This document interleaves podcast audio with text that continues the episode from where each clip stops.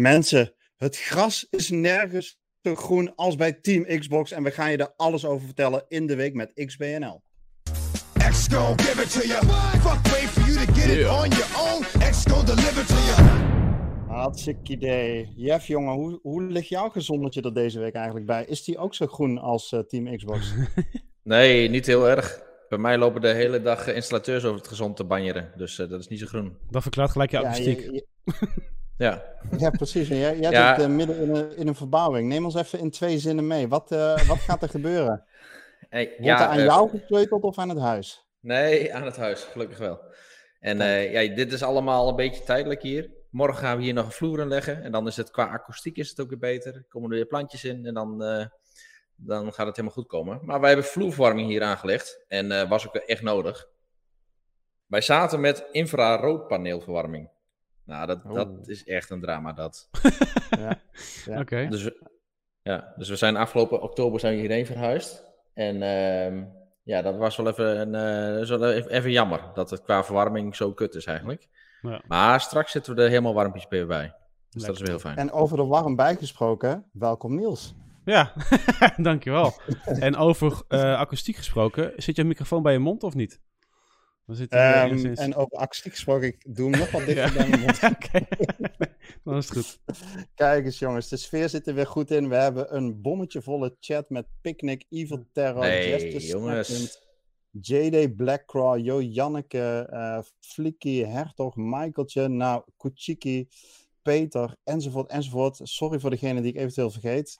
Het zijn er tegenwoordig te veel om, uh, om, uh, om op te noemen. En wat tegenwoordig ook te veel is om nog bij te oh, houden, zijn de spelersaantallen die Microsoft ten tonele brengt op zijn en haar nieuwe games, jongens. Uh, aantallen waar, wat mij betreft, de oortjes van gaan klapperen. We hadden natuurlijk al met Forza Echt, Horizon 5, die in november dit jaar gereleased was, zagen we al dat in de eerste week uh, na de release, uh, nou ja, spelersaantallen van 10 miljoen werden bereikt. Het is echt insane. Grote spelerbase die ze uh, hebben weten aan te trekken. En Halo doet dat nog eens dunnetjes over. Nou ja, wat zeg ik? Halo knalt daar overheen met een dikke 20 miljoen spelers een kleine maand na release. Ja, Jeff, ga ik eerst eens even jouw kant op. Verbaast jou dit? Dit? Um, nou, het was een beetje hit, hit or miss, hè, natuurlijk met Halo.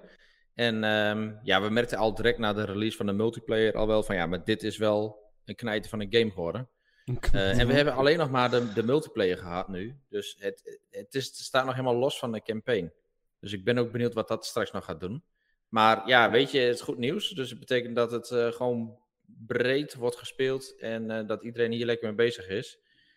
En ja, wat, wat een turnaround ook hè, met vorig jaar. Dat, ja. dat iedereen er nog een beetje somber, pessimistisch over was. En dan nu, ja, dat het zo'n hit is. Ja, want Niels, even Niels. daarop uh, opvolgend. Hè? Halo had natuurlijk tijdens de E3 van 2020 echt... Uh, nou, of het ontwikkelteam heeft de, nou, de volle laag over zich heen gekregen. Mm -hmm. Uh, de trailer uh, die we toen zagen en de gameplaybeelden, die, ja, dat was gewoon niet fraai. Dat oogde op geen enkele manier next gen. Sterker nog, het zag er wat verouderd uit. Um, het team heeft toen besloten, nou, weet je, we moeten deze game een jaar uitstellen. Hè, dus we gaan deze game niet met release van de Series X brengen. En een jaar geleden, in januari, tijdens onze podcast, zei je, nou, het zou me niet verbazen als het toch nog wel goed kan komen met deze game. Ja, en here we are. En dus, here we are. Ja, hoe sta, hoe sta jij nu in de race? Nou ja, ik sta er in de race dat ik gewoon gelijk had. Einde discussie, dus... Uh... eindelijk gelijk. ja, eindelijk uh, toch eens een keer in plaats van een contra-indicator zoals altijd. Als ik zeg dat het goed is, wordt het slecht. Nee, ik, ja. uh, ik had er wel vertrouwen in dat de, het team gewoon de feedback te harte zou nemen en zou gaan aanpassen. Ik had ook ergens het gevoel van... Weet je, ik moet nog wel overtuigd raken met gaan we echt iets nieuws zien in de franchise... of gaat het heel ver af van het klassieke Halo-gevoel? Nou, dat is een mm -hmm. ja en nee, hè. Nou, wat ik al in de review zei, van het doet niks nieuws verder qua verhaal, wat dan ook. zit natuurlijk wel het hele lekkere, soepele gameplay. En nou, de rest, ja, de, hele, de hele wereld is overtuigend. En de hele open ja. wereld uh, gameplay is natuurlijk ook uh, overtuigend. Maar ik zag ook mm -hmm. al in die open wereld opzet van, ja, maar dit is open wereld zoals we dat al 15 jaar zien. Het is niet zo dat, het, dat zij in één keer innovatie gaan bieden binnen het genre van open wereld of zo. Maar dat hoeft ook niet, weet je. Goed implementeren van open wereld binnen je franchise is ook wel een uitdaging. Dus... Uh, dat betreft uh, wel groot succes. Het is ook wel leuk straks als we met de campaign weer opnieuw naar die game kunnen. Dus gewoon weer opnieuw kunnen revisiten en dan uh, met elkaar ook gaan spelen. Ja, ja dat vooral. Ja. Ik miste het wel heel erg kopen hoor. Ik heb het nou uitgespeeld en uh, daarna is gewoon gelijk klaar met Halo eigenlijk wel. Ja, precies. Dit wil je gewoon straks met elkaar en dan die levels erbovenop en dan... Ja, dat wordt wel leuk. Ja, het valt me toch nog. Ik, ik sta er net zo in als jullie. Ik, uh, ik wacht ook op uh, de co-op gameplay. Ik vind de multiplayer vind ik leuk. Ik heb me een aantal weken mee vermaakt. En nou, als ik nou een avond echt niks te doen zou hebben, dan, uh, dan pak, zou ik hem zo weer erbij pakken. Maar in het subkanaal van onze Discord valt me op dat er toch nog wel een redelijke, redelijke groep is die nou, toch wel een aantal avonden per week deze game nog lekker met elkaar aan het spelen is. En ook op socials zag ik, naar aanleiding van, uh, van, van dit bericht, hè, dat er 20 miljoen spelers uh, bereikt waren, de ene na de andere screenshot toch van, nou echt behoorlijk wat mensen die al richting de 200, 300 uur in deze game gestoken hebben. Ja, en dan is dat dus inderdaad met name uh, de online multiplayer. Ja, ja en het is goed, na alle twijfel die we hadden, denk ik dat Team Xbox, kunnen we nu wel stellen, een goede keuze heeft gemaakt om deze game niet half af um, te releasen met de Series X. Dat had de franchise de nek omgedraaid. Um, ze hebben even een shitstorm over zich heen gekregen in 2020, maar het resultaat een jaar later mag er dan ook zijn met 20 miljoen spelers, een hele bruisende community en een meerjarenplan waar volgens mij in toenemende mate um, ja, vertrouwen ja. Uh, is. onderdeel van het meerjarenplan zijn ook nog een aantal vraagtekens. Ja. En een van die vraagtekens, Niels, um, die, eh, daar lijken wat, uh, wat geruchten te zijn ontstaan. Ja, ja precies. Even We meenemen? Natuurlijk, uh, dit jaar uh, komt natuurlijk nog de koop en meerdere dingen. Maar er was een tijdje geleden waren er mensen die in de data van Halo Infinite toch een verwijzing zagen naar de Battle Royale modus. Van bij uh, 343 hmm. Industries zelf heeft gezegd van nou, daar zijn we niet mee bezig. Want we hebben gewoon nog ons eigen materiaal eerst. En uh, nu komen er weer geruchten dat misschien uh, dat, dat aan het outsourcen zijn aan een andere studio. Alsnog Battle Royale dus te gaan brengen naar Halo. En de vraag is dan, wordt het dan een Halo binnen Halo Infinite? Een, een Battle Royale modus binnen Halo Infinite? Of wordt het à la Call of Duty Warzone toch een aparte titel dan in de store? Weet je wel? Daar ben ik dan benieuwd naar. Het lijkt, mij, ik, het lijkt mij, die map van Halo is serieus fantastisch voor Battle Royale, weet je wel? Dus alles ligt klaar gewoon. Dus ja, dat betreft zeker. helemaal rijp daarvoor, weet je wel? Maar uh, nou ja, goed. Het moet wel goed ontwikkeld worden. Je kan niet zomaar een Battle Royale gaan maken en van ja, hey, nou ook een Battle Royale, succes. Dat zou op zich ook wel logisch zijn. Hè? Kijk, als we straks die campaign of die co-op uh, toevoegen aan de campaign, uh, dan is die map ook geschikt voor multiplayer dus. Dus dan ja. is het alleen maar een kwestie van zorgen dat meerdere spelers op diezelfde map kunnen, kunnen meedoen. En uh, ja, gewoon een ring die steeds kleiner wordt. Ja. Simpel. Ja. Twee uurtjes werk. Ja, precies. Lijkt me ook. Ja, twee uurtjes werk. ja, letterlijk een ring die kleiner wordt gewoon. ja. Ja. ja, goed, we, we gaan het zien. Uh, er zijn wat uh, wisselende geluiden over, ook nu in de chat. Hè. Ik lees uh, Picnic die zegt, ja, doe maar liever geen Battle Royale. Ik weet dat Jess er een beetje in staat, zoals, zoals jou Niels, dat de, de, de setting, de Halo, de ring die steeds kleiner wordt, zich daar goed verleent. Zelf denk ik ook van, ja, weet je, er zitten al voertuigen in Halo. Halo is een redelijk verticale game ook. Um, ja, ik ja. denk eh, dat het best wel wat, wat mogelijkheden biedt om zo'n snel type gameplay uh, als het Battle Royale kan zijn, om, um, om dat succesvol te laten zijn. Ja. Um, maar goed, we, we, gaan het, uh, we gaan het zien of ze dat, uh, of ze dat ook gaan doen. hey, maar even... we, weten we ook ja. hoeveel het inmiddels heeft opgebracht? Dus hebben ze de game weer terugverdiend?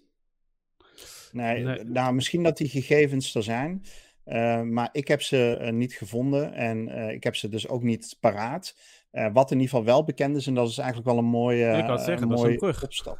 ja, een mooie bruggetje naar het volgende. Oh, uiteraard is, dat, dat de ja. kwartaalcijfers van Microsoft, nou ja, echt de pan uitreizen. Ja. Um, eigenlijk het beste kwartaal sinds een hele lange tijd. Ook voor Team Xbox, die um, ja, enorme cijfers gedraaid heeft. wat we ook al afgelopen week voorbij hebben zien komen natuurlijk, is dat de Game Pass uh, 25 miljoen uh, leden inmiddels kent. Een ongekend ja. aantal. En ehm, nou ja, goed, als je dan kijkt tussen oktober en december 2021 eh, bereikte Microsoft een nieuw recordbedrag binnen een kwartaal van 5,44 miljard. En dat is een stijging van bijna een half miljard ten opzichte van het jaar daarvoor. Um, met andere woorden, het gaat lekker daar bij die jongens. Ja, en, en was ik, Redmond, dan zie je straks de cijfers van januari en dan is ineens zo'n dip van 70 miljard dollar. ja, precies. In één keer iets cash uitgegeven. Ja, precies.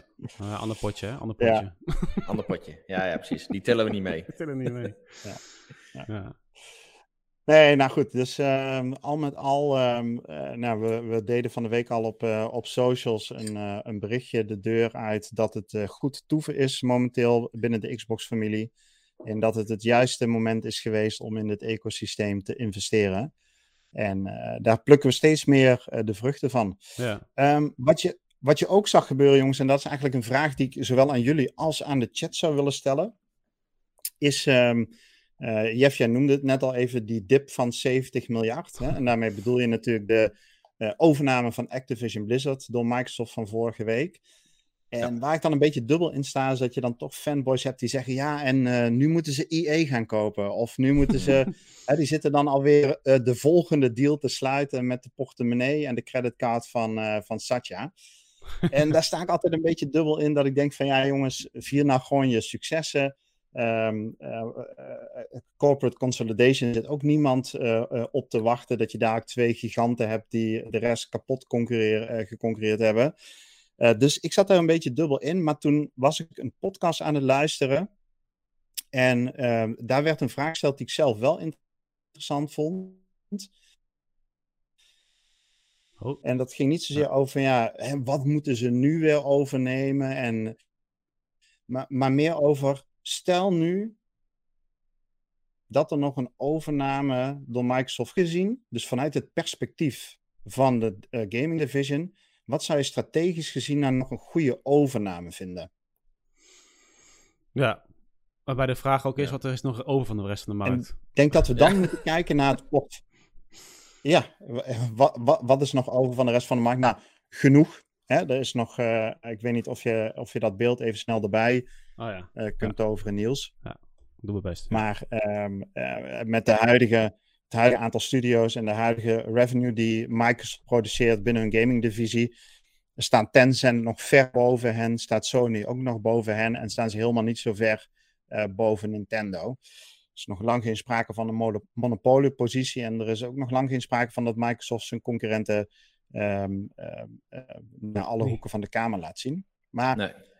Uh, eigenlijk een vraag aan jullie en dus aan de chat om eens na te denken van ja, wat zou nou een strategisch gezien nog eventueel een mooie of goede aankoop zijn? Ja, ik, ik weet denk niet, dat... Jeff, misschien wil jij eens beginnen daarmee? Ja, kijk, als je het echt puur hebt over strategisch voor Microsoft, dan zou ik haar zeggen um, Valve. Want zij hebben natuurlijk Steam als platform op Windows. En dat zou voor hun een perfecte aanvulling zijn. Kijk, uh, Valve heeft gewoon dat hele distributiesysteem uh, op de PC. En zij opereren ook op de PC.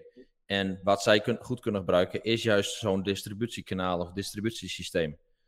Um, en ja, los daarvan heeft Valve ook nog wel een paar interessante titels. Natuurlijk Half-Life, wat nooit ja, wat, wat er nooit van gekomen is van een Half-Life 3. Maar ja, die, die staat de hele gamingwereld die staat er wel om te springen eigenlijk.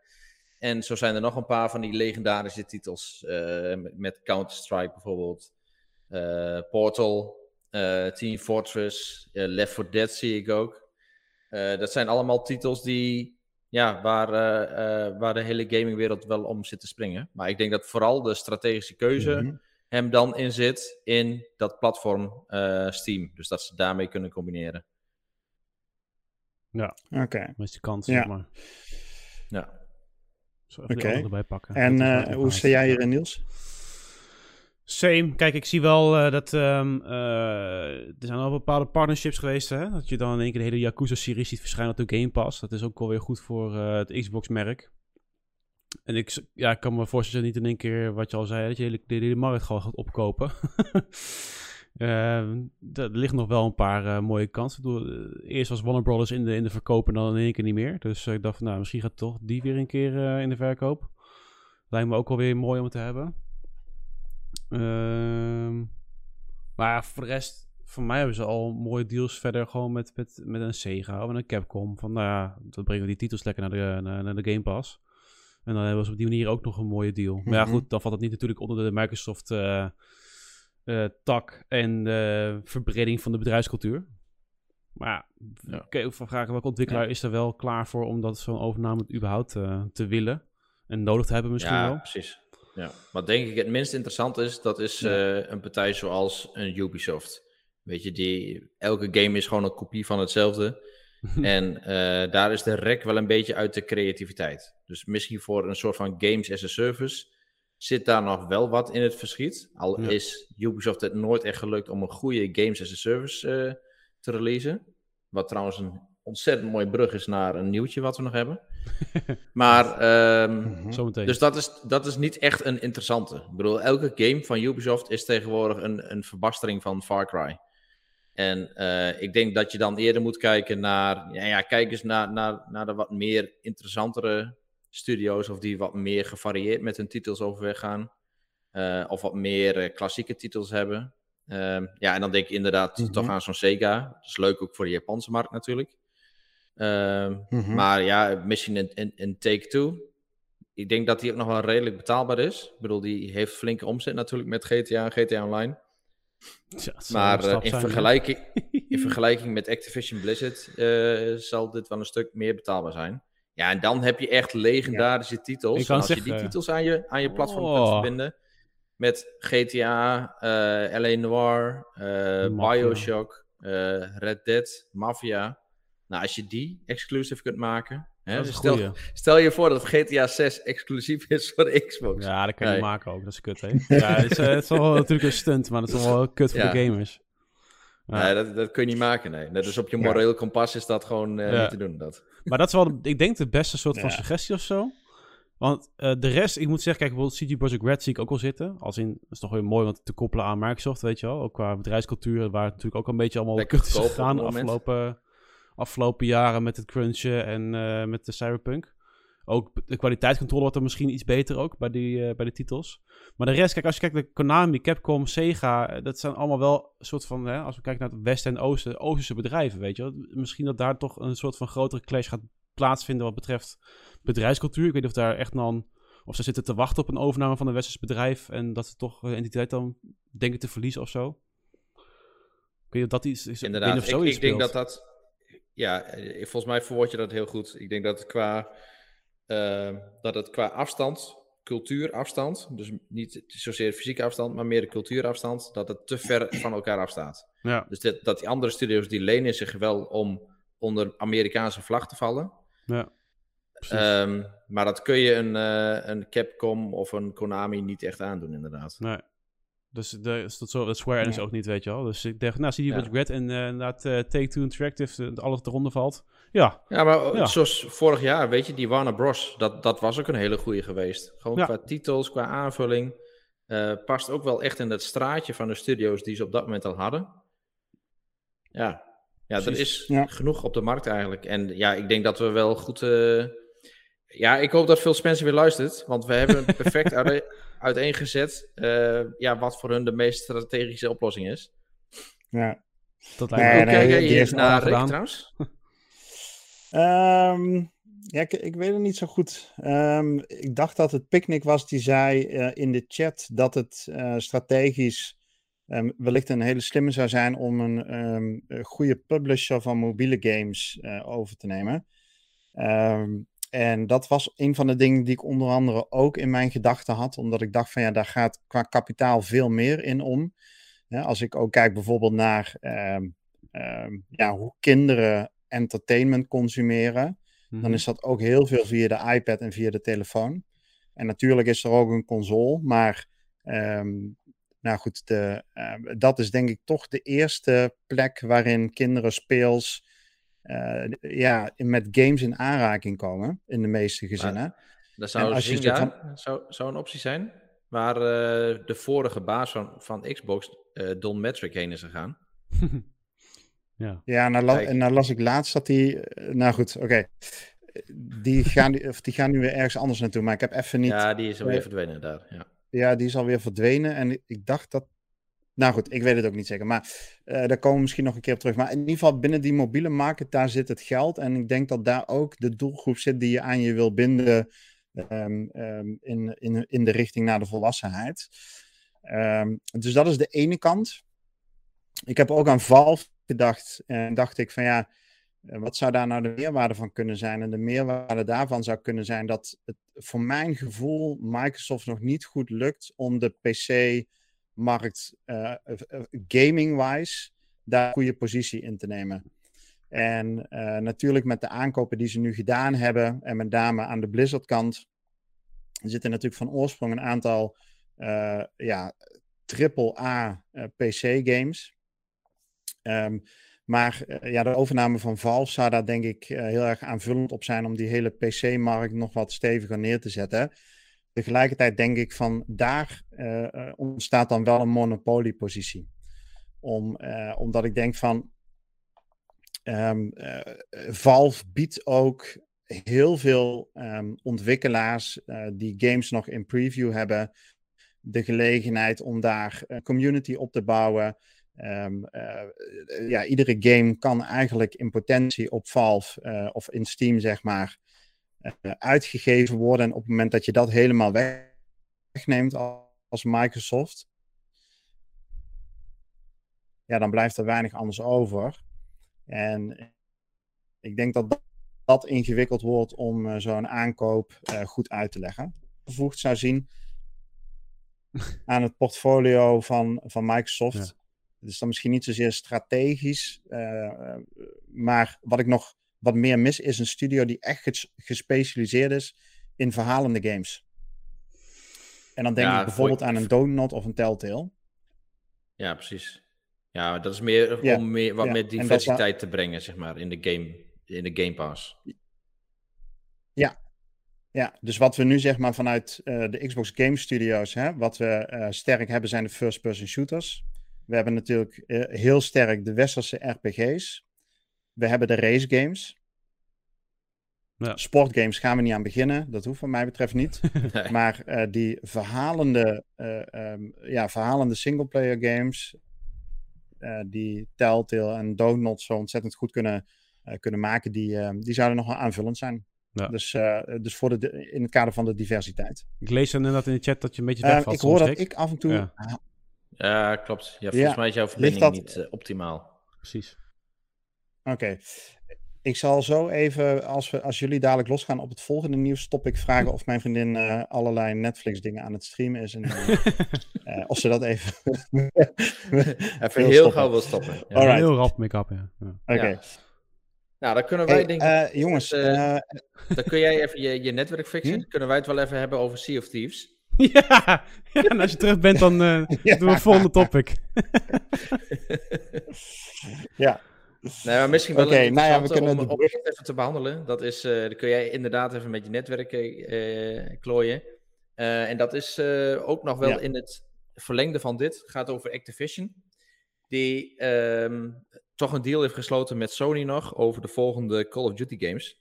Oh ja. En ja. Bloomberg die heeft ook gerapporteerd dat, de, dat ze nog een deal hebben voor de volgende drie Call of Duty games. Ja. En um, ja, ik, ik vind dat wel opvallend dat er dus al op voorhand dit soort deals gesloten zijn. Ja, die krijgen dus, natuurlijk, dus, uh, die doen het in een ja, broek. Maar, ja, nee, maar ik bedoel, is het ook zo dat ze dan uh, vijf jaar geleden al deals hadden gesloten van, ja, de volgende drie games, dat zijn, uh, of de volgende drie Call of Duty games, die, die gaan we contractueel verbinden.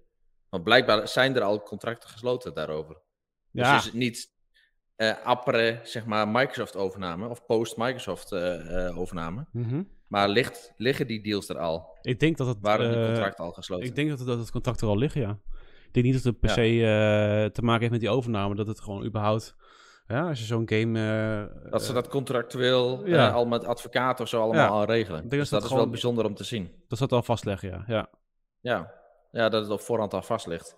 Ja, en dat uh, benadrukt ook nog maar eens een keer weer dat uh, Activision toch wel een, een, of in ieder geval Call of Duty toch wel een soort van aan Sony verbonden titel is geweest en altijd al is geweest. Ja. Uh, dat ja. dit soort zaken ook al op papier staan eigenlijk. Um, maar waar gaat het dan specifiek over? Um, dit moeten we zo interpreteren dat we de volgende twee Call of Duty games die nog uit gaan komen, dus in principe elk jaar komt de Call of Duty game, dat die in ieder geval nog naar Sony's machine gaan. En dat het vermoedelijk ook gaat om de opvolger van Warzone. Dus dat de oh, ja. next ah, installment van Warzone eigenlijk ook daar naartoe gaat. Ja. Warzone 2 is ontwikkeling. Er is er een gerucht over. Tenminste, een gerucht. Het zal zo, zo ongetwijfeld wel in ontwikkeling zijn, maar... Ja. Ja, de vraag is of het dan echt zeg maar, een nieuwe Warzone wordt, dus met een 2 erachter.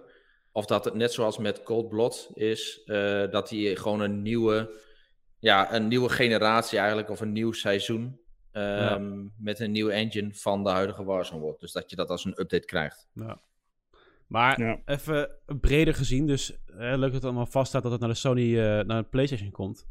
Maar wil je ooit Call of Duty alleen maar voor de Xbox hebben? Doel, dat is toch kut. Want dan mis je gewoon een hele grote markt van PlayStation bezitters. Die dan in één keer geen ja, Call of Duty kunnen krijgen. Voor, voor, mij hoeft dat niet hoor. En uh, dan heb je ook uh, multiplayer minder inkomsten. Ik bedoel, uh, hoe, hoe, het ook bent of keert. Je hebt een behoorlijke afzetmarkt aan de PlayStation bezitters. Die ook allemaal online inkopen of aankopen doen binnen de Call of Duty franchise. Met met name Warzone. Ja. Dus ik maar ik, ik ja. vind dat nog wel een beetje een grijs gebied. Want wij, wij zeggen wel, maar dat is, volgens mij is dat puur vanuit gevoel zeggen we wel van ja, maar bepaalde franchises moeten we niet exclusief gaan maken. En van andere franchises of van andere titels zeggen we weer van ja, het zou mooi zijn als het ex exclusief wordt. ja. Kun je voor jezelf redeneren wanneer je A zegt en wanneer je B zegt? Ja, dat heeft denk ik met de, met de franchise Wat, te maken. Met de geschiedenis van de franchise dan weer. Nee, maar ook gewoon met, met, met, met, met hoeveel spelen. ik zou het gewoon kut vinden als uh, een heel groot deel van de spelers in één keer een franchise niet meer kunnen maar, gaan spelen. Stel dat Xbox met een uh, nieuwe multiplayer shooter zou komen. Ja. En uh, dat exclusief voor de Xbox uitbrengt. Zou je dan daarvoor zeggen van nee, dat moet dan eigenlijk multiplat worden? Nee, ja, daar heb ik nou dan minder moeite mee. Dus we zouden dan inderdaad kunnen zeggen van joh, gezien de geschiedenis en de playerbase die het al heeft. Hè, als een, een game al een playerbase heeft, heel veel. Dan zou het een mm -hmm. beetje mhm. naadje zijn als je het in één keer ontneemt. Maar ja, ja, ja dus met, met diezelfde Titanfall gedachte... vind je bijvoorbeeld een heel slecht idee? Uh, als Titanfall... Titanfall is dat al, was het exclusief? Ja. Titanfall 1 ja. was uh, exclusief ja. voor Xbox, ja. Ja, maar als hij een playerbase zou hebben... Dus dat is een soort van Call of Duty studio. Ja. En ja, ik hoorde niemand uit de Xbox-wereld die daar moeite mee had. Nee.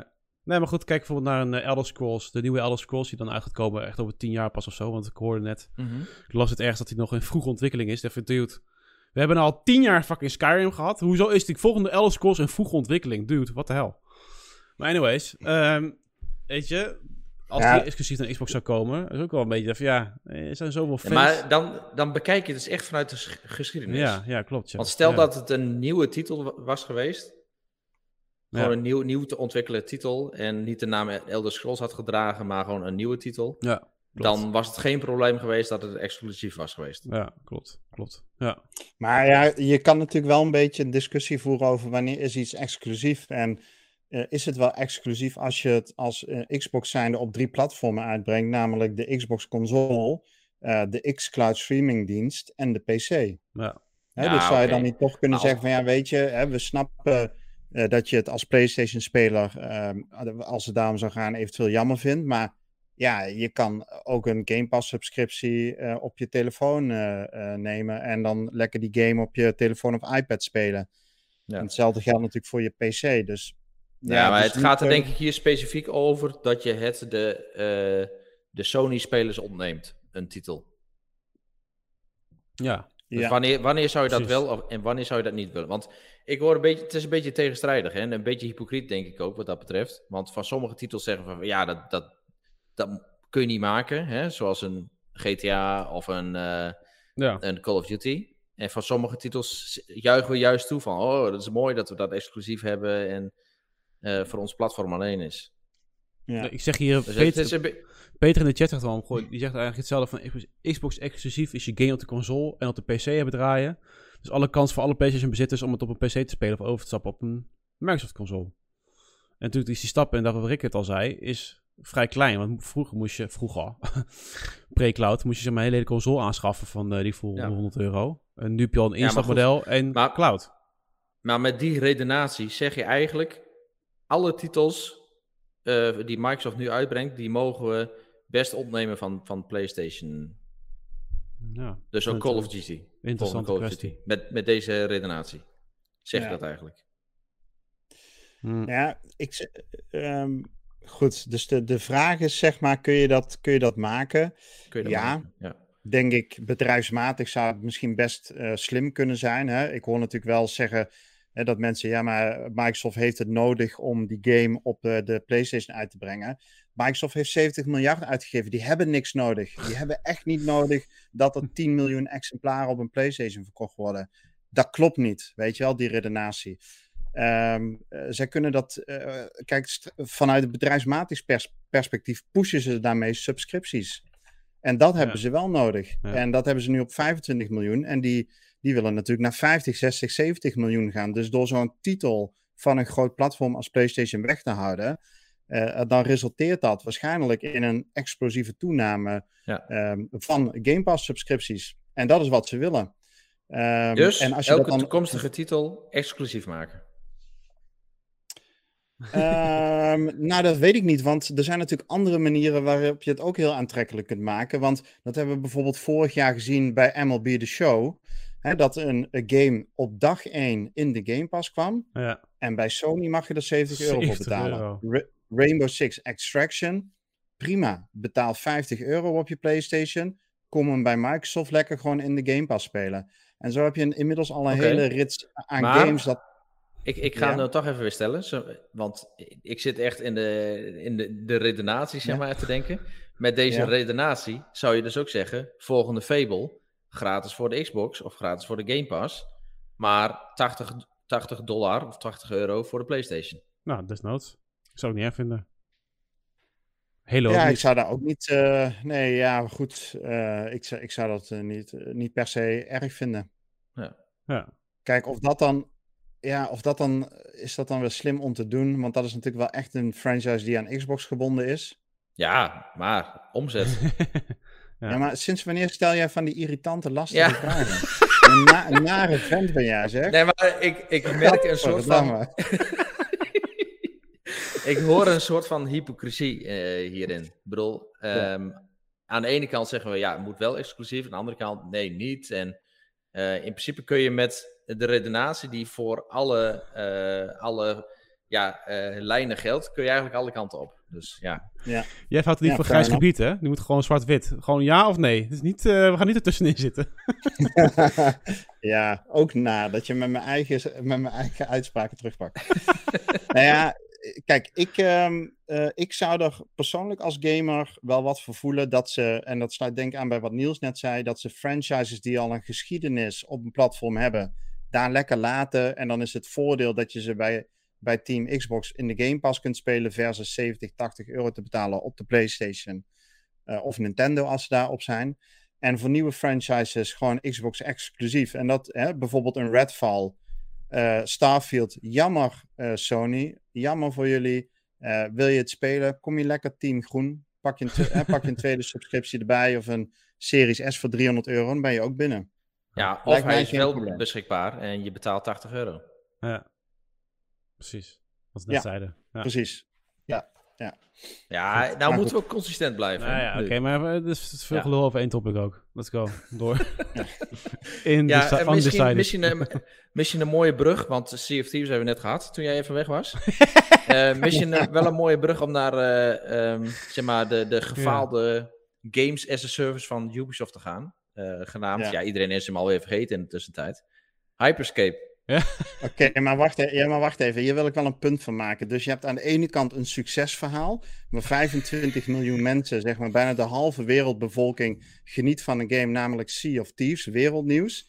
Versus Hyperscape, waar geen hond van gehoord heeft. En dat nieuwstopic wil je nu eerst in de chronologie behandelen. Is dat Ja. eigenlijk wat je zegt? Zeker. Vind- Ja, prima, dat, is een beetje, dat is net een beetje dat grijze gebied, hè, waar, waar- Ja. wat we graag Ja. eh, willen opzoeken. Ja. En eh, Nee. dit, is, eh, ja, dit, dit, dit is donker en lichtgrijs en zwart en wit. Ja. En eh, ja, dit is gewoon een, een contradictie op zichzelf. Ja. Nee. ja, ik, moet, ik moest opzoeken van, ja, hoe schrijf je Hyperscape eigenlijk? Ik had het drie keer verkeerd geschreven, maar het is. En het is inderdaad van Ubisoft. Zegt ook al en ehm, Ja, echt, ja, hè? het is de Battle Royale game die, eh, die natuurlijk Ubisoft naar ongekende hoogte had moeten stuwen. Ehm, maar daarin grandioos gefaald is. Ja, en dus is het nieuws. en, en dus is het nieuws. En op 28 april 2022 gaat het licht uit in de server van Hyperscape. En dat is natuurlijk heel jammer voor die twee mensen die die game nog spelen tegen elkaar. Ehm, maar ja. Ja, dat is live. Maar wat is hier misgegaan, jongens? Uh, nou ja, alles? Ik denk marketing, ik, denk gewoon überhaupt uh, de, een oververzadigde markt met dezelfde gameplay. Uh, niet een genoeg te onderscheiden stijl, en weet ik het. De, de, de, periode waar het in uitkwam, I don't know. Ja. Het uh, deed mij iets te, te, te pusherig, te commercieel aan. Ja, even ja, cashen. Dat laat ik er ook bij. En het zag er wat te klinisch uit. En um, uh, wat weinig levendig. Maar aan de andere kant, hè, kijk, ik, um, we doen er nu een beetje lach, lacherig over. Maar de andere kant van het verhaal is, is natuurlijk gewoon goed dat Ubisoft dit geprobeerd heeft. Hè? Want tegelijkertijd zitten we ook kritiek te leveren op Ubisoft dat ze telkens hetzelfde doen. En ja, hierin hebben ze iets anders geprobeerd. Jammer dat het is mislukt. Um, maar uh, ja, ik zou zeker hopen dat ze meer van dit soort dingen gewoon proberen. En dat ze een beetje uit dat stramien uh, komen van uh, al die games die als twee druppels water op elkaar lijken. Met dezelfde assets, hetzelfde kleurenpalet en dezelfde gameplay. Ja. Um, maar want, ja, dat hebben we ook wel een keer gezien. Het, het is ook wel een wake-up call voor Ubisoft. Dat het enige waar ze eigenlijk goed in zijn, dat is dezelfde game kopiëren en uh, met, met, een, met een andere sausje, een andere lakje erop, weer opnieuw uitbrengen. Ja. Nou ja, goed, dan kunnen we naar het volgende nieuwstopic gaan. En, uh, want dan kunnen we de vraag stellen van, ja, is dat wel zo? En dan blijkt bijvoorbeeld dat Rainbow Six Extraction toch wel behoorlijk succesvol is geweest. want die hebben um, in... Uh, de game is een week uit. Ja, de game is een week uit. En uh, die hebben 3 miljoen spelers weten aan te tikken. Ja. En um, ik, Niels, ik weet niet, heb jij de game al gespeeld? Nee, dat is niet. Nee? Jeff, jij wel. Het verbaast mij niet dat, uh, dat het een behoorlijke playerbase inmiddels heeft. Hoe sta jij hierin? Ja, nee, zeker weten. Uh, ik ben al uh, talloze keren in dat, dat, die gele foam geëindigd. maar ik, ik blijf maar weer terugkomen bij die game. Het is gewoon een hele leuke. het is natuurlijk hele herkenbare gameplay Um, maar ook gewoon een herkenbare setting en characters. Uh, dus ook de, de uh, classes waaruit je kunt kiezen. Uh, die zijn eigenlijk gewoon letterlijk overgenomen uit Rainbow Six Siege. En ja, die gameplay is natuurlijk gewoon... Dat is gewoon een stalen gameplay dat. Dus dat is gewoon goed. En ja, de hele setting is nu gewoon totaal anders natuurlijk. Met ja, een soort van futuristische of... of fictionele setting met aliens en zo. Ja. Maar het is wel leuk. Het is lekker gevarieerd. En uh, ja, ik, eh, ik vind het wel leuk om terug te blijven komen. Ik heb een bredere opmerking over de, dit soort cijfers. Weet je, met de Game Pass die we nu hebben, in hoeverre is het nog super uh, indrukwekkend als je met cijfers komt? Ja, we hebben 3 miljoen spelers, terwijl de Game Pass zoveel bezitters heeft. En mensen gewoon die game gaan mhm. proberen. Het is niet meer hetzelfde als tien jaar geleden, waarbij je gewoon zegt van ja, we hebben gewoon uh, zoveel keer de game verscheept. Het is nu echt gewoon de live, spe dus de spelers, hoeveel spelers we hebben. Ja. Waarom is dat nee, nog dat, Ja, dat, ja, dat ja, is moeilijker langs de meetlat te leggen, maar ja, er komt natuurlijk komende jaren komt er een moment dat we weer een, een beter en nieuw referentiepunt hebben, omdat we zien wat de impact van Game Pass is. Uh, ja, als je het bijvoorbeeld langs Forza Horizon legt, wat een, uh, ook nog eens een ecosysteem exclusive is, uh, dan zou je zeggen, ja, dan valt 3 miljoen spelers wel, wel weer mee. Um, dus we moeten nog wel meer feeling krijgen. Ja, wat zeggen deze aantallen nu? Maar in ieder geval zijn ze blij genoeg ermee om het als, uh, als persbericht naar buiten te brengen. Ja. En nou ja, goed, ik, ik vind het een vermakelijke game. Wat ik er vooral heel erg goed aan vind, is dat onderdacht spelen wordt keihard afgestraft. Hè, dus je, um, je, de, deze game moet je strategisch spelen, vanuit stelt, doordacht, uh, planmatig te werk gaan. En doe je dat niet, dan, uh, ja, dan word je keihard, keihard afgestraft. En, um, en dus dat zorgt ook voor een bepaalde mate van spanning. Dat is ook de en, reden uh, dat, ik, dat ik niet word uitgenodigd meer hè, voor de parties. nou ja, goed. Uh, dat, dat heeft eigenlijk een andere oorsprong, maar dat, uh, daar moeten we nog even een keer een interventie voor organiseren. ja, nee, en Evil Terra zegt, Rick is trouwens best wel goed in de game. Ja, dat klopt. Ik heb Evil inderdaad een paar keer uh, gecarried naar de, zodat we toch konden extracten. En ja, weet je, dat, dat doe ik graag. Dat vind ik helemaal niet zo erg. Maatloos overgenomen uit de chat inderdaad. Echt, ja. ja. ja. ik vergat een woordje, maar uh, detail.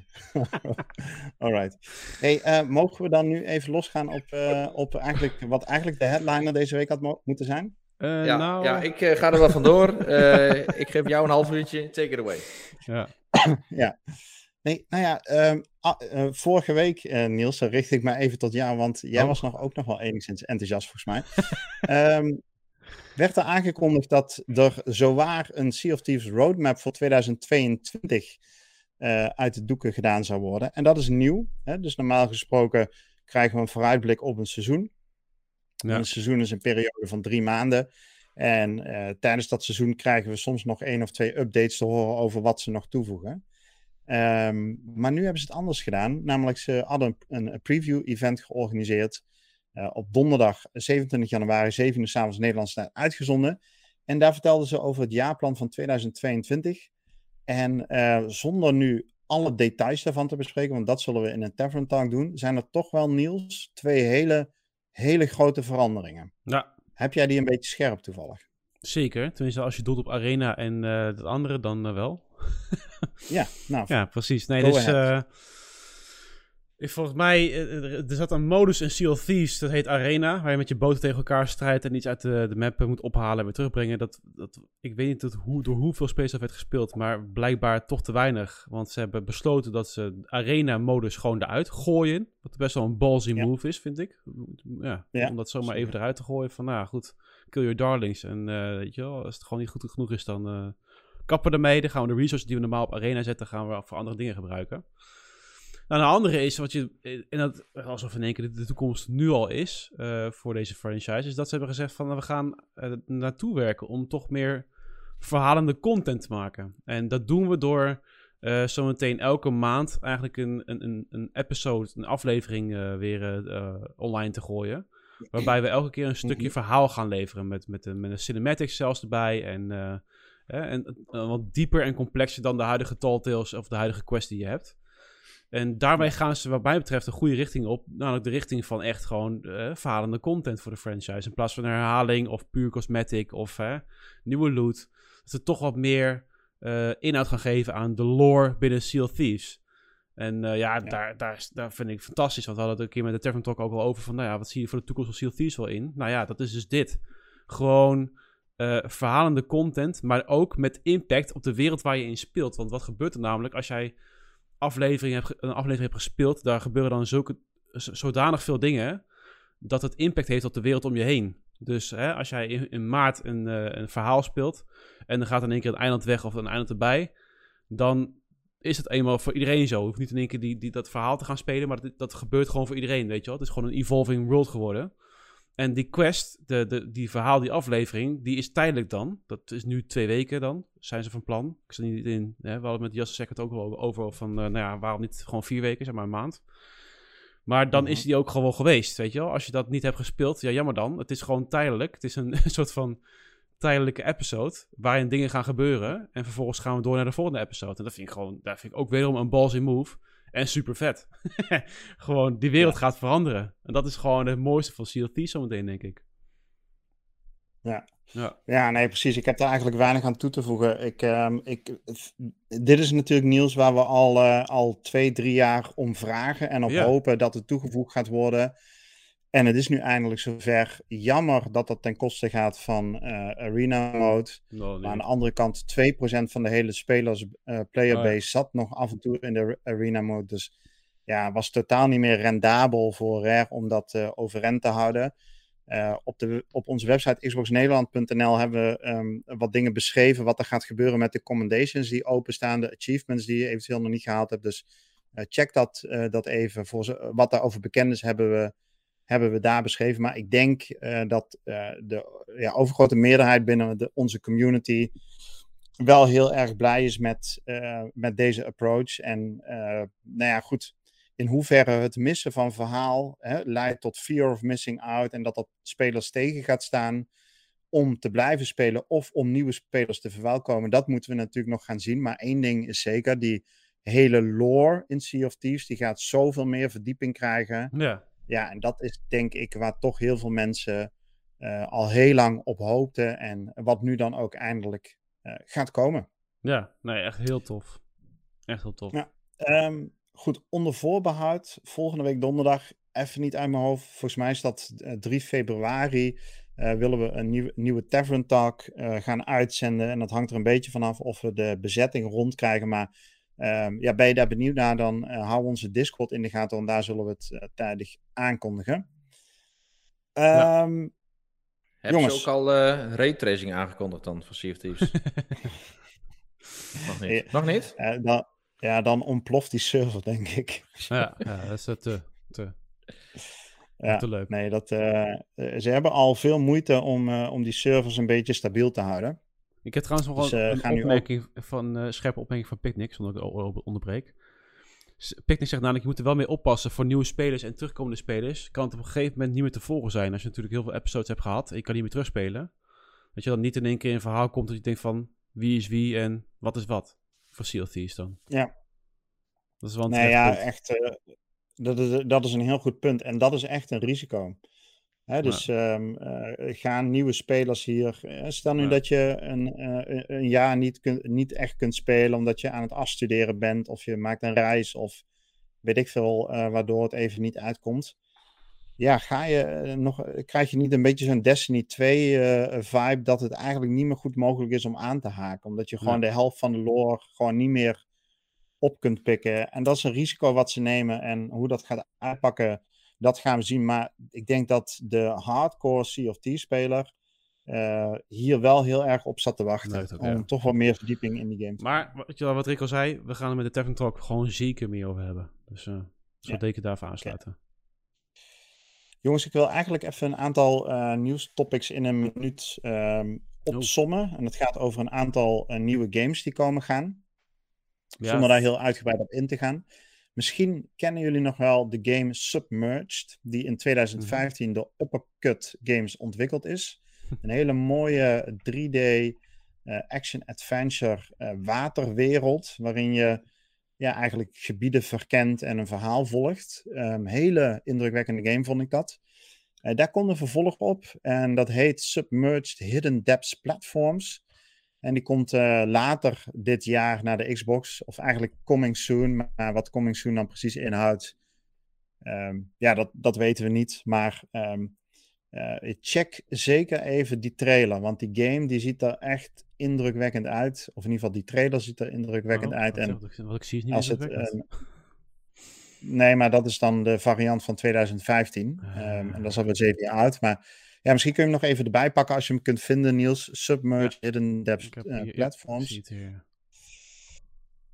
Ja, laten we er gewoon eens even naar kijken en vertellen wat we zien. Want um, um, dit is een waterwereld en we zien een ja. beetje cartoony-achtige characters. Ziet er goed uit, dit. Ja, is wel beter, dit. Nou, je, je, Jeff, jij bent onze waterspecialist. Ja, dat is mooi water, dit. dit is mooi, dit is, is mooi water, water, ja. Ja, is mooi water. Ja. Nee, maar... Ja, het is echt, het is echt uh, mooi water. Ja. Uh, Wauw. Wauw. Ja. Ja. ja, dus voor degene die de podcast luisteren natuurlijk, uh, waar zitten we naar te luisteren? Echt hè, wat de fuck ja, is dit? Dit is, uh, dit is Jeff die diep onder de indruk is en, uh, en terecht. Want... nee, maar dit, dit, dit, is gewoon, dit ziet er schitterend uit. Het is ja, een enorme stad die, uh, die helemaal door de natuur is overgenomen en waarin je volgens mij ja, dat is dan weer een beetje 13 in een dozijn principe. Uh, dat je een soort van corruptie te, uh, uh, probeert weg te halen, waardoor die stad weer meer tot bloei komt. Zo oogt het nu. En nou, volgens mij wordt dat gewoon een hele mooie game. Sorry, Giet, ja, nee, ook, maar serieus, dit, dit ziet er wel echt super gaaf uit. Oh. Het is een beetje cartoony ja. stijl, maar wel ja. echt super sfeervol. Ik dacht, ja. sorry, Giet, je ook op zijn vrouw gewoon, hè? Ja, ja, dat zijn borsten. Ja, ja. ja. ja. huid. ja. mooi water. Mooi water. mooi. Ja. Dat is mooi. Mooi. Hey, over mooi, mooi gesproken. Uh, we hadden het net al even over uh, onze vrienden van uh, Respawn. En bij Respawn denk je natuurlijk onder andere ook aan Jedi, Star Wars Jedi, Jedi Fallen Order. Ehm, en dat is maar goed ook, want de liefhebbers van deze franchise die mogen op een vervolg rekenen. En nog twee andere Star Wars games. Dat heeft EA namelijk aangekondigd dat de studio Respawn werkt aan drie games binnen het Star Wars universum. Namelijk dus Jedi Fallen Order, de sequel daarvan. Een first-person shooter, zonder naam vooralsnog. En een strategy game. First dus, person shooter uh, zonder naam. Nou, dat kan niet anders dan Battlefront zijn. ja, dan moest ik, moest ik, inderdaad ook al aan denken. Battlefront 3 wordt dat dan, denk ik, hè? Ja. Of niet? Maar het, het is ja. wel... Uh, nou, ik weet niet of Battlefront op de... Ja, ik, ik weet het eigenlijk niet. Ik, ik vond met die laatste Battlefield... Ik heb het een beetje, een beetje het idee dat DICE een beetje is uitgekakt. Oh, zo, ja. Dat het gewoon... Uh, ik, ik was ook echt niet... De, de, de swag is er een beetje uit. Ja, inderdaad. Ja. En wat veel interessanter is, is dat ik gewoon beelden heb van wat Star Wars 1313... Ja, ja, de game die ooit geannuleerd en nooit meer terugkwam... Uh, had kunnen zijn. Er zijn namelijk gewoon gameplaybeelden van online gezet. Ja. En dat is dit. Dus uh, mensen die die podcast luisteren, die moeten er maar eventjes met onze soort van beschrijving van de game zien nou hele mooie bar en onze bounty hunter die erheen loopt. Maar in ieder geval, dit zijn een soort van ja, alpha beelden van de game. Uh, het ziet er best vet uit, eerlijk gezegd. Het is een beetje wat misschien uiteindelijk ja, dan een uh, Fallen Order had. Hè? Een soort van dezelfde opzet. Alleen dan een hele ja, andere dit, dit is dan echt een open source of een, een, een open wereld. En uh, dan ben je echt een personage in het Star Wars universum. En uh, het ziet eruit alsof je hier gewoon echt je eigen verhaal kunt maken. In een soort van uh, ja, GTA-achtige of, of Cyberpunk-achtige wereld. Ja, dat vooral, ja. Nee, dus het is uh, zonde, want dit, gaat, dit gaan we niet meer krijgen. Maar toch leuk om te zien hoe ver ze al waren, dan, I guess. Ja. Ja, precies. Nee, maar ik denk, denk goed verhaal hoor, dat Respawn niet mee aan de slag gaat. Ja. Kijk, zij zijn natuurlijk veruit de beste studio van EA. Of in ieder geval waar, waar je het meest vertrouwen in hebt. Ja, uh, absoluut. Maar ik vraag me wel af hoeveel werk hebben die gasten wel, wel niet uh, op de hals, joh. Dat is een flinke studio geworden, dat ja, hoor. Ja, allemaal Star Wars ook gewoon. ja. ja. Nee, nou ja, en uh, goed, over veel vertrouwen gesproken. De Games with Gold van deze maand zijn ook weer aangekondigd. Oei, oei, oei. En ja, mocht je benieuwd zijn naar de vier bangers waarvan ik de naam niet eens meer weet... Uh, check dan vooral even xboxnederland.nl. Ik wil daar ook eigenlijk geen seconde langer. Nee, ze zijn nu, ze hebben de hele lijst gesorteerd op populariteit eigenlijk, uh, Xbox. en dan de meest populaire kandidaten, die stoppen ze in de Game Pass. Ja. En dan Ja. sorteren ze de andere kant op, zeg maar van Z naar A. En dat zijn de vier die dan automatisch naar de, naar de gold komen. Ja. Ja. Die krijgen dan even 3 euro. Kunnen ze een zakje snoep verhalen, die ontwikkelaars. Ja, En dan hebben wij weer games Ja. voor de Game Pass. ja precies. Ja. ja. Ja, en je weet gewoon op het moment dat we het hierover gaan hebben, dan krijgen we kritiek uit het retro-kanaal. En Oh, eh, de bruggen worden nu wel heel slecht gemaakt, zegt Picnic al. Hydrophobia was wel een leuke game, zegt Dimas. Jongens, ik geloof jullie veel plezier ermee. Leef je uit, zou ik zeggen. Dat is jullie helemaal toevertrouwd en ik lees het graag in het retro-kanaal hoe tof deze games zijn. Eh, over toffe games gesproken. Ja, een, eh, een game die iedere keer toch wel een beetje de, eh, de grenzen van wat technologisch mogelijk was opzocht. Dat was namelijk Crisis. En dan heb ik het over Crisis 1, 2 en 3. En nou hoopte, nou ja, zelf eh, heb ik er vrij weinig mee. Maar ik kan mij voorstellen, Jeff, dat dit wel een franchise is die jou lief is. Ja, ja, en dat jij hoopt op een deel 4. Ja, ik weet nog met de, de eerste vooral- Crisis. Ik kan zeggen, het was met name deel 1 hoor, die, Oh, die eh, grens is Ik- ik- opgezocht. en ik weet het nog steeds. Ehm, ik, ik heb me helemaal lopen verlekkeren aan die trailerfilmpjes. Ja, en aan de, zeg maar, de, de, de technical reviews en previews. Ja, en wat ja, er ja. allemaal wel niet mogelijk was.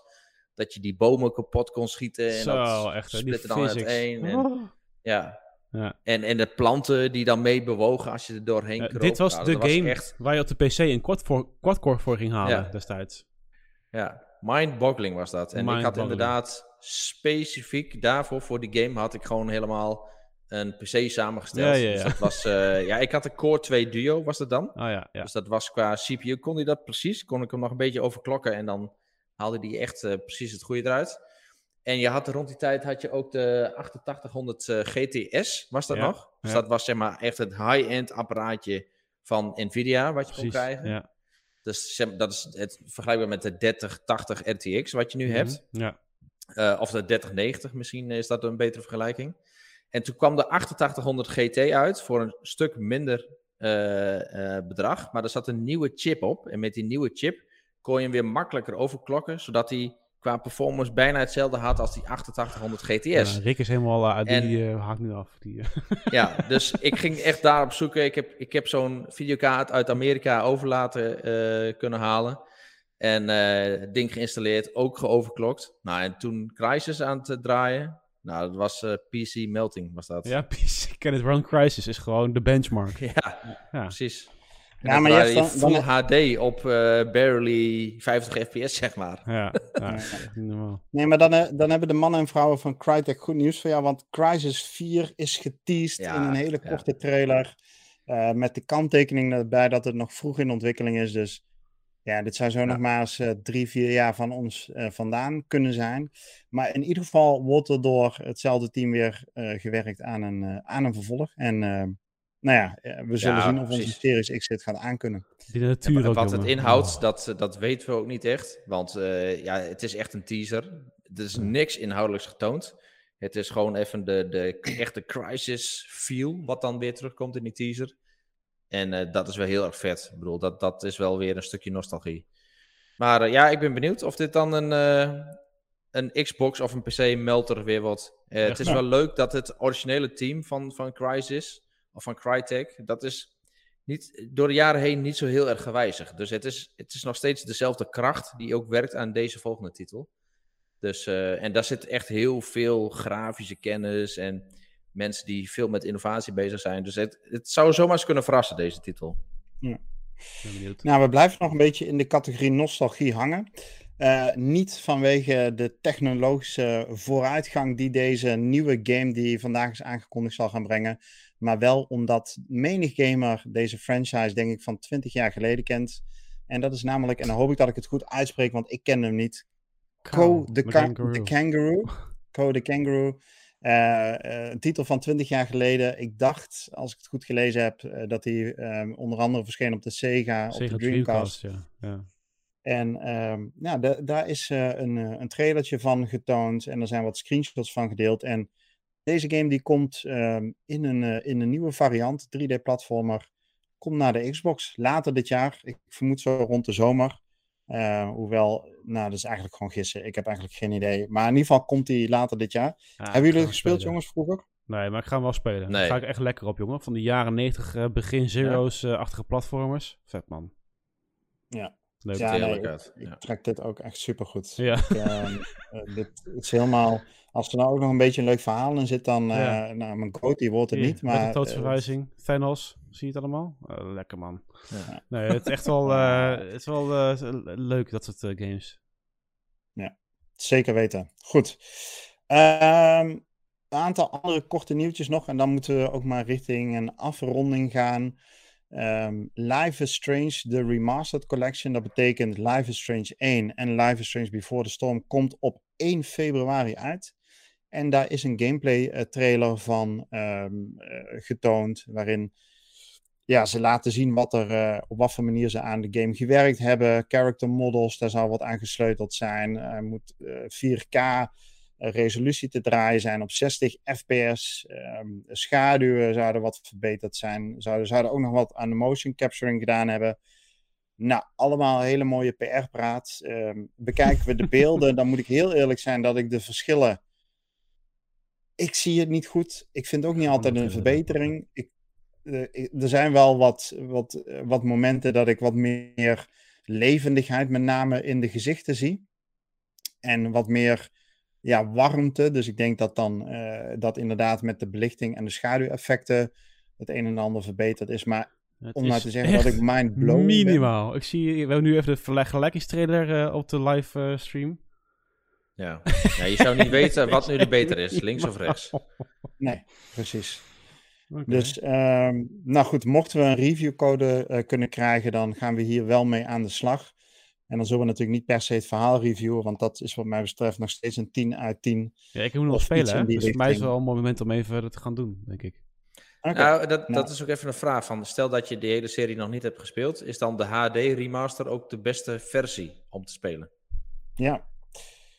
Nou ja, eh, laten we, laten we gaan kijken. Van, ehm, eh, hij komt over een paar dagen uit. En uh, met een, ik verwacht toch eigenlijk wel dat we daar iets van een review van op zullen stellen. Dus volgende podcast zul je waarschijnlijk terug horen of dit je knaken waard is om hmm. hem eventueel nog een keer te spelen. Of dat dit een mooie game is om in te stappen als je de franchise nog nooit gespeeld hebt. Hij lijkt trouwens vooral soepeler te, soepeler te lopen, die nieuwe.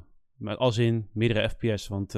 Ja, precies. Die oude is echt 30, hè? Ja, ja, ja. ja, ja. Goed, ga verder, Rick. Sorry. Nou, nee, prima. Um, goed, over uh, laatste nieuwtjes gesproken. Um, Elden Ring, natuurlijk de game van From Software, wat later in februari dit jaar uitkomt. Uh, daar hebben de ontwikkelaars hebben tijdens de Tapai Game Show hebben, um, hebben een aantal ontwikkelaars interviews uh, gehouden. En daar hebben we een aantal nieuwe weetjes uit uh, gehaald. Eén, uh, de game is gold gegaan, dus dat is een goed teken. Hij is af. De schijfjes worden gedrukt en het team, uh, team is klaar. Um, dus dat is een goed teken. Verder weten we ook, of zijn we te weten gekomen, dat de game 30 uur in totaal gaat duren. dat is gewoon de base game. je kan er meer uithalen. Ik vermoed dat het dan gaat om sidequest en exploratie en dat soort zaken. Um, dan eh, kun je er veel meer uur ook in uh, aan besteden. Maar 30 uur lijkt een goede, uh, God, goede richtlijn te zijn. Het ziet er goed uit, hè? Halleluja, zeg. Ja, de game ziet er heel goed uit. Maar, ja, maar heeft... Echt, het, het, is wel echt gemixt, hoor. Want de laatste keer dat we naar keken... Als je echt op detailniveau kijkt... dan is het niet heel erg best. Ik bedoel, het is echt een verouderde game. Maar dan kijk je naar het, het artwork en de belichting en zo. En dan, dan heb je echt wel. Ja, je wordt gewoon bijna overweldigd door het kleurenpalet wat je hebt. Ja, dit is een bepaalde stijl. Ik moest gelijk denken aan Zelda Breath of the Wild. Dat is heel gaaf. Maar dan met de Demon Souls. Uh, ja. ja, cool. Ja, Glenn was nog niet overtuigd ervan. En die heeft oh. natuurlijk best wel wat uren in de preview gestoken in oktober de, uh, vorig jaar. Oh, ja. Of nou ja, in ieder geval rond die tijd. En uh, die heeft er toen ook een uitgebreide preview van beschreven op onze website. Dus als je daar op zoekt, preview Elden Ring, dan uh, kun je erover lezen waar, waar zijn uh, twijfels zaten. Um, goed, we gaan het zien. nog een paar weken geduld. Um, laatste drie nieuwtjes, jongens, en dan gaan we naar de afronding toe. Dying Light komt met Smart Delivery. Hartstikke goed nieuws. Game komt op 4 februari uit, dus dat is een weekje van ons verwijderd. Mocht je de Xbox One versie gepre-orderd hebben en inmiddels een Series X hebben, no biggie. Uh, de mannen van Dying Light, got you covered. Je kunt dat gewoon lekker, uh, lekker op, uh, met Series X enhancements gaan spelen. voor diegenen die af... Nou, ik weet niet of we dit trouwens eerder besproken hebben. Maar in ieder geval degenen die een beetje het nieuws hebben gevolgd, die weten dat rondom de perikelen van Activision Blizzard, dat er een hele groep ontwikkelaars van Blizzard is weggegaan bij Blizzard en een eigen studio gestart zijn onder de naam uh, Frost Giant. Hm. En um, wat zij graag wilden is werken aan een real-time strategy game. Daar hebben ze concepten voor uh, bedacht. Die hebben ze inmiddels voorgelegd en daar hebben ze een subsidie gekregen van 25 miljoen.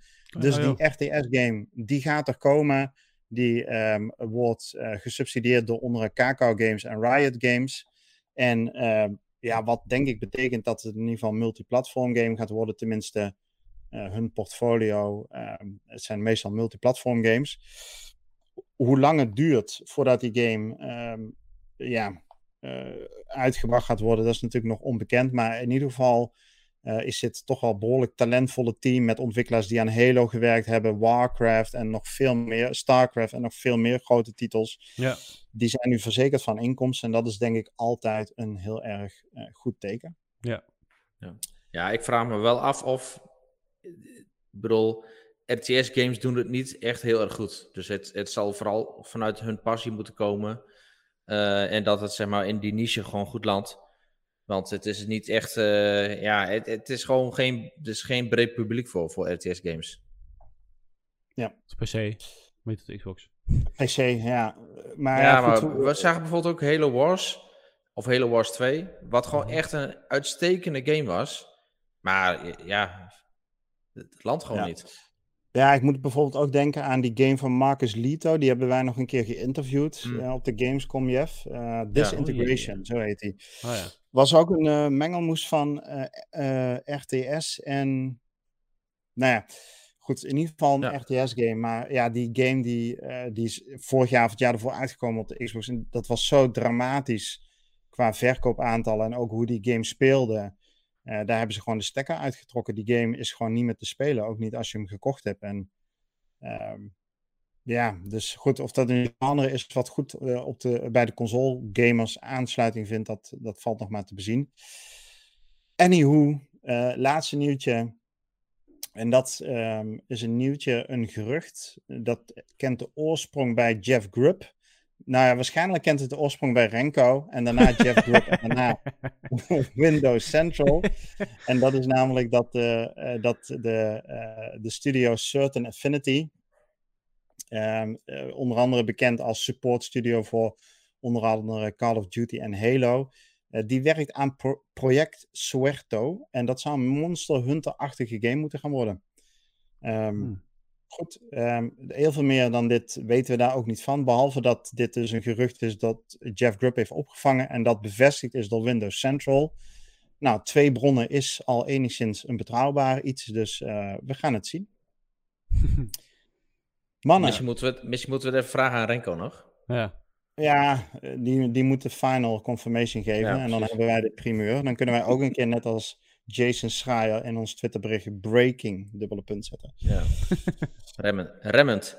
Goed, Ja. ja. Breaking. Over breaking gesproken, we gaan eh, deze podcast naar een einde brengen. Ehm, en eh, Goeie brug, goeie brug. dat doen we natuurlijk heel traditiegetrouw door nog even te bespreken wat wij zelf gespeeld hebben.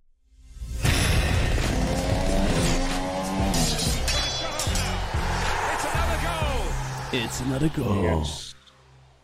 RM Niels, jij begon met een cliffhanger Ja, ik ga eventjes voor de podcast. eh, Je zei een pareltje en een, eh, eh, een, een, een- niet echt een hoogtepunt van deze week. Vertel, wat heb je gespeeld? Ik heb de game ontdekt, genaamd, en misschien heb ik wel gemist, heb je het al in de podcast besproken. Bloodroots. Die is onlangs in de Game Pass gekomen. Hier heeft wat beelden erbij. De game is hilarisch en frustrerend. Dus eh, eh, mijn vriendin heeft inmiddels alle, zeg maar, mijn hele woordenboeken aan scheldwoorden wel voorbij horen komen. Van oké, cool, cool, cool. En eh, het, is, het speelt super soepel. De, de opzet van de game is dat jij een soort van bloeddorstige jager bent die revenge wilt voor iets. En je gaat dan door een area heen iedereen slopen. En daar heb je gewoon een combo meter voor linksbovenin, wat je dan ziet. En echt alles is een wapen. Dus je hebt stoelen, ladders, wortelen, wielen, zwaarden, bijlen, eh, weet ik wat voor random dingen. Die kan je allemaal gebruiken om, eh, om ze te kapot te maken. En eh, het- die game speelt zo lekker weg. Het is bijna een moordballet. Want het doel is eigenlijk ook om... Ja, echt. Je kan iedereen heel hard afmaken. Het, het doel is eigenlijk om zo snel mogelijk achter elkaar alle vijanden kapot te maken. Zodat je combo omhoog gaat. Zodat je meer punten kan scoren. Nou ja, en da- dat eh, werkt ontzettend lekker. En ik denk, ja, er zit in een Game Pass. Probeer hem gewoon, weet je wat. Het is zo'n chille game. Dus, Maar eh, nog één keer, hoe heet die? Bloodroot. Gewoon, Bloodroots. Ja, ja. Ga hem zeker proberen. ja, het is echt heel cool. En een beetje luguber, want je kan echt iedereen met bloed en allemaal uit elkaar zien spatten. Maar goed, het is cartoony, dat is wel leuk. Het he- de hele opzet van het verhaal is ook een beetje eh, bijna Tarantino-achtig of zo. Ik weet niet. Het, het, het heeft echt wel wat. Het is echt wel leuk. Echt heel leuk. Nice. Oké. Dat, Nou, eigenlijk het enige is dus in Game. Pass te spelen. Ja, gewoon eh, lekker downloaden, joh. En eh, behapbaar. Dus niet, eh, ga je geen 30 uur in stoppen. Nee, joh. Nee, wij ik, ik zit er nou wel op, ik denk dat ik al acht uur bezig ben, maar het is wel haalbaar zeker, ja. Absoluut. En de instapgehalte is ook heel erg laag, dus je kan gewoon gelijk beginnen. Ja. Lekker man, lekker. Klinkt goed. hey, en wat heb je nog meer gespeeld? Was hem, denk ik wel. Oh, dat was hem. Oké. Maar op Psychonauts Eh, 1 trouwens, ja. Ik, ben gewoon, ik heb gewoon een, een OG Xbox game opgestart. Ik dacht van, ik ga gewoon Psych- Psychonauts 1 eh, spelen uit 2005. Nou, die heb ik laatst dus ook gedaan. Ik dacht van, weet je, ik ga die doen voordat ik Psychonauts 2 ga doen. Ja. Maar eh, ik kon er niet helemaal lekker in komen. hoor. Ah, Dat is ja. maar iets te oud. ja, het is wel echt verouderd, dat klopt. Maar daar, gaat, Ja. daar prik ik doorheen. Boeien. alright. I know what I sign up for. Yes. Eh, nou, Rainbow Six, Jeff, Tracks, Jeff Traction. Heb je die naam nou Jeff net veranderd? eh? Ja, zeker. Maar anyway, Ja, wat ik- eh, Vertel. Ja, dat dus. Kijk, ik, deze week heb ik niet heel veel gedaan met de hele verhuizing hier en de verbouwing hier. Maar ik heb nog wel de nodige potjes Extraction gespeeld. En ja, dat, ik vermaak me daar wel mee. Ja. Prima. Ja. Dat is het voor Nou, mij. lekker. En voor jou, Rick? Eh, goed, zonder al te veel uit te wijden heb ik inderdaad net als Niels ook wat verschillende games uit de Game Pas geprobeerd. Ik, zat echt, ik had zo'n week van dat ik, ik wist niet goed wat ik wilde spelen. Ik wilde eigenlijk wel met Horizon Zero Dawn nog een keer aan de slag, omdat dadelijk natuurlijk Forbidden West uitkomt. Ehm, spelen. nou ja, eh, ik had, eh, nou goed, ik zat, was echt behoorlijk besluitloos, dus toen ben ik maar gewoon wat games gaan downloaden. Toen heb ik een beetje Flynn, Son of Crimson gespeeld. Leuke game ga ik mee verder. Ik heb ook Nobody Saves the World gespeeld. Dat is een gem. Echt een goede Oké. game. Ehm, dus eh, daarmee alleen maar meer eh, dilemma's. Hoe heet die? Zei je Want nou? ja, Nobody Saves the World. Het is echt een, eh, ja, best wel, best wel een, een lekkere game. Een beetje, ja, ik zou niet eens weten. De jongens in het retro-kanaal, jongens, wat voor, wat voor genre valt dit onder? Het eerste wat in mij opkomt is een, eh, is Een een Zelda 2D game. side-scrolling hack-and-slash game. Ja. Eh, waarin je een beetje à la Zelda door wat dungeons heen gaat. Eh, je, verschillende characters, dat heette dan forms, leveled. En al die forms hebben verschillende abilities, waardoor je weer in specifieke dungeons kunt komen of verder kunt komen in de wereld. Leuk. Ziet er ook leuk uit, zeg. En, Kleurrijk. ehm, kleurrijk, maar vooral de controls, die zijn gewoon super soepel. En daar hou ik van. Bij, eh, bij dit soort games kan het al heel snel hit or miss zijn. En eh, dit is allemaal spot on wat mij betreft. Goede humor, leuk verhaal, lekkere gameplay, lekker levelen. Ehm Weet je, waar, weet je waar het mij aan doet denken, dit? Gewoon qua kleurenpalet en zo. Aan eh, Braid. Dus ik Oh, werd ja. een beetje getriggerd van, hoe zit dat eigenlijk met die HD-remaster van Braid? Die is Ja, toch eh, niet. vorig jaar of twee jaar geleden eens een keer aangekondigd? Flauw, nee. Ziet het gewoon al uit? Ja, Nee, ja, weet ik niet. geen idee. Nee. Nee, volgens mij niet hoor. Goed. Nou, ja, Oké. sorry. Ja, Nou, Ja, nee, nee, maar het is eh, helemaal prima. Maar in ieder geval, Nobody Saves the World. Ehm, nou ja, ga hem eens checken. Hij zit gewoon in Game Pass. Dus eh, er zijn geen drempels om het te proberen als je een Game Pass subscriptie hebt. Dit is trouwens Braid. Die beelden. Vet. Veel eh, precies. Rainbow Six Extraction gespeeld. Eh heb ik al wat over verteld. Dus daar laat ik het verder bij. En ik heb natuurlijk ook wat uurtjes Sea of Thieves gedaan met ja, gewoon de eh, usual crew. suspects die we allemaal vanuit onze community kennen. Ehm, dus al met al een goede gamingweek. Maar een nog veel betere maand voor de boeg Zo, met games als Life is Oh, Strange sorry. Remastered, Dying Light, Pokémon Legends, eh, eh, Elden Ring, enzovoort en zo on. En natuurlijk uit eh, van Benelux bodem eh, de snowboard game Shredders. Dus, beste mensen, eh, we hebben veel om naar uit te kijken. En waar je ook naar uit kunt kijken, is natuurlijk een nieuwe podcast. Volgende week vrijdag, aflevering 203.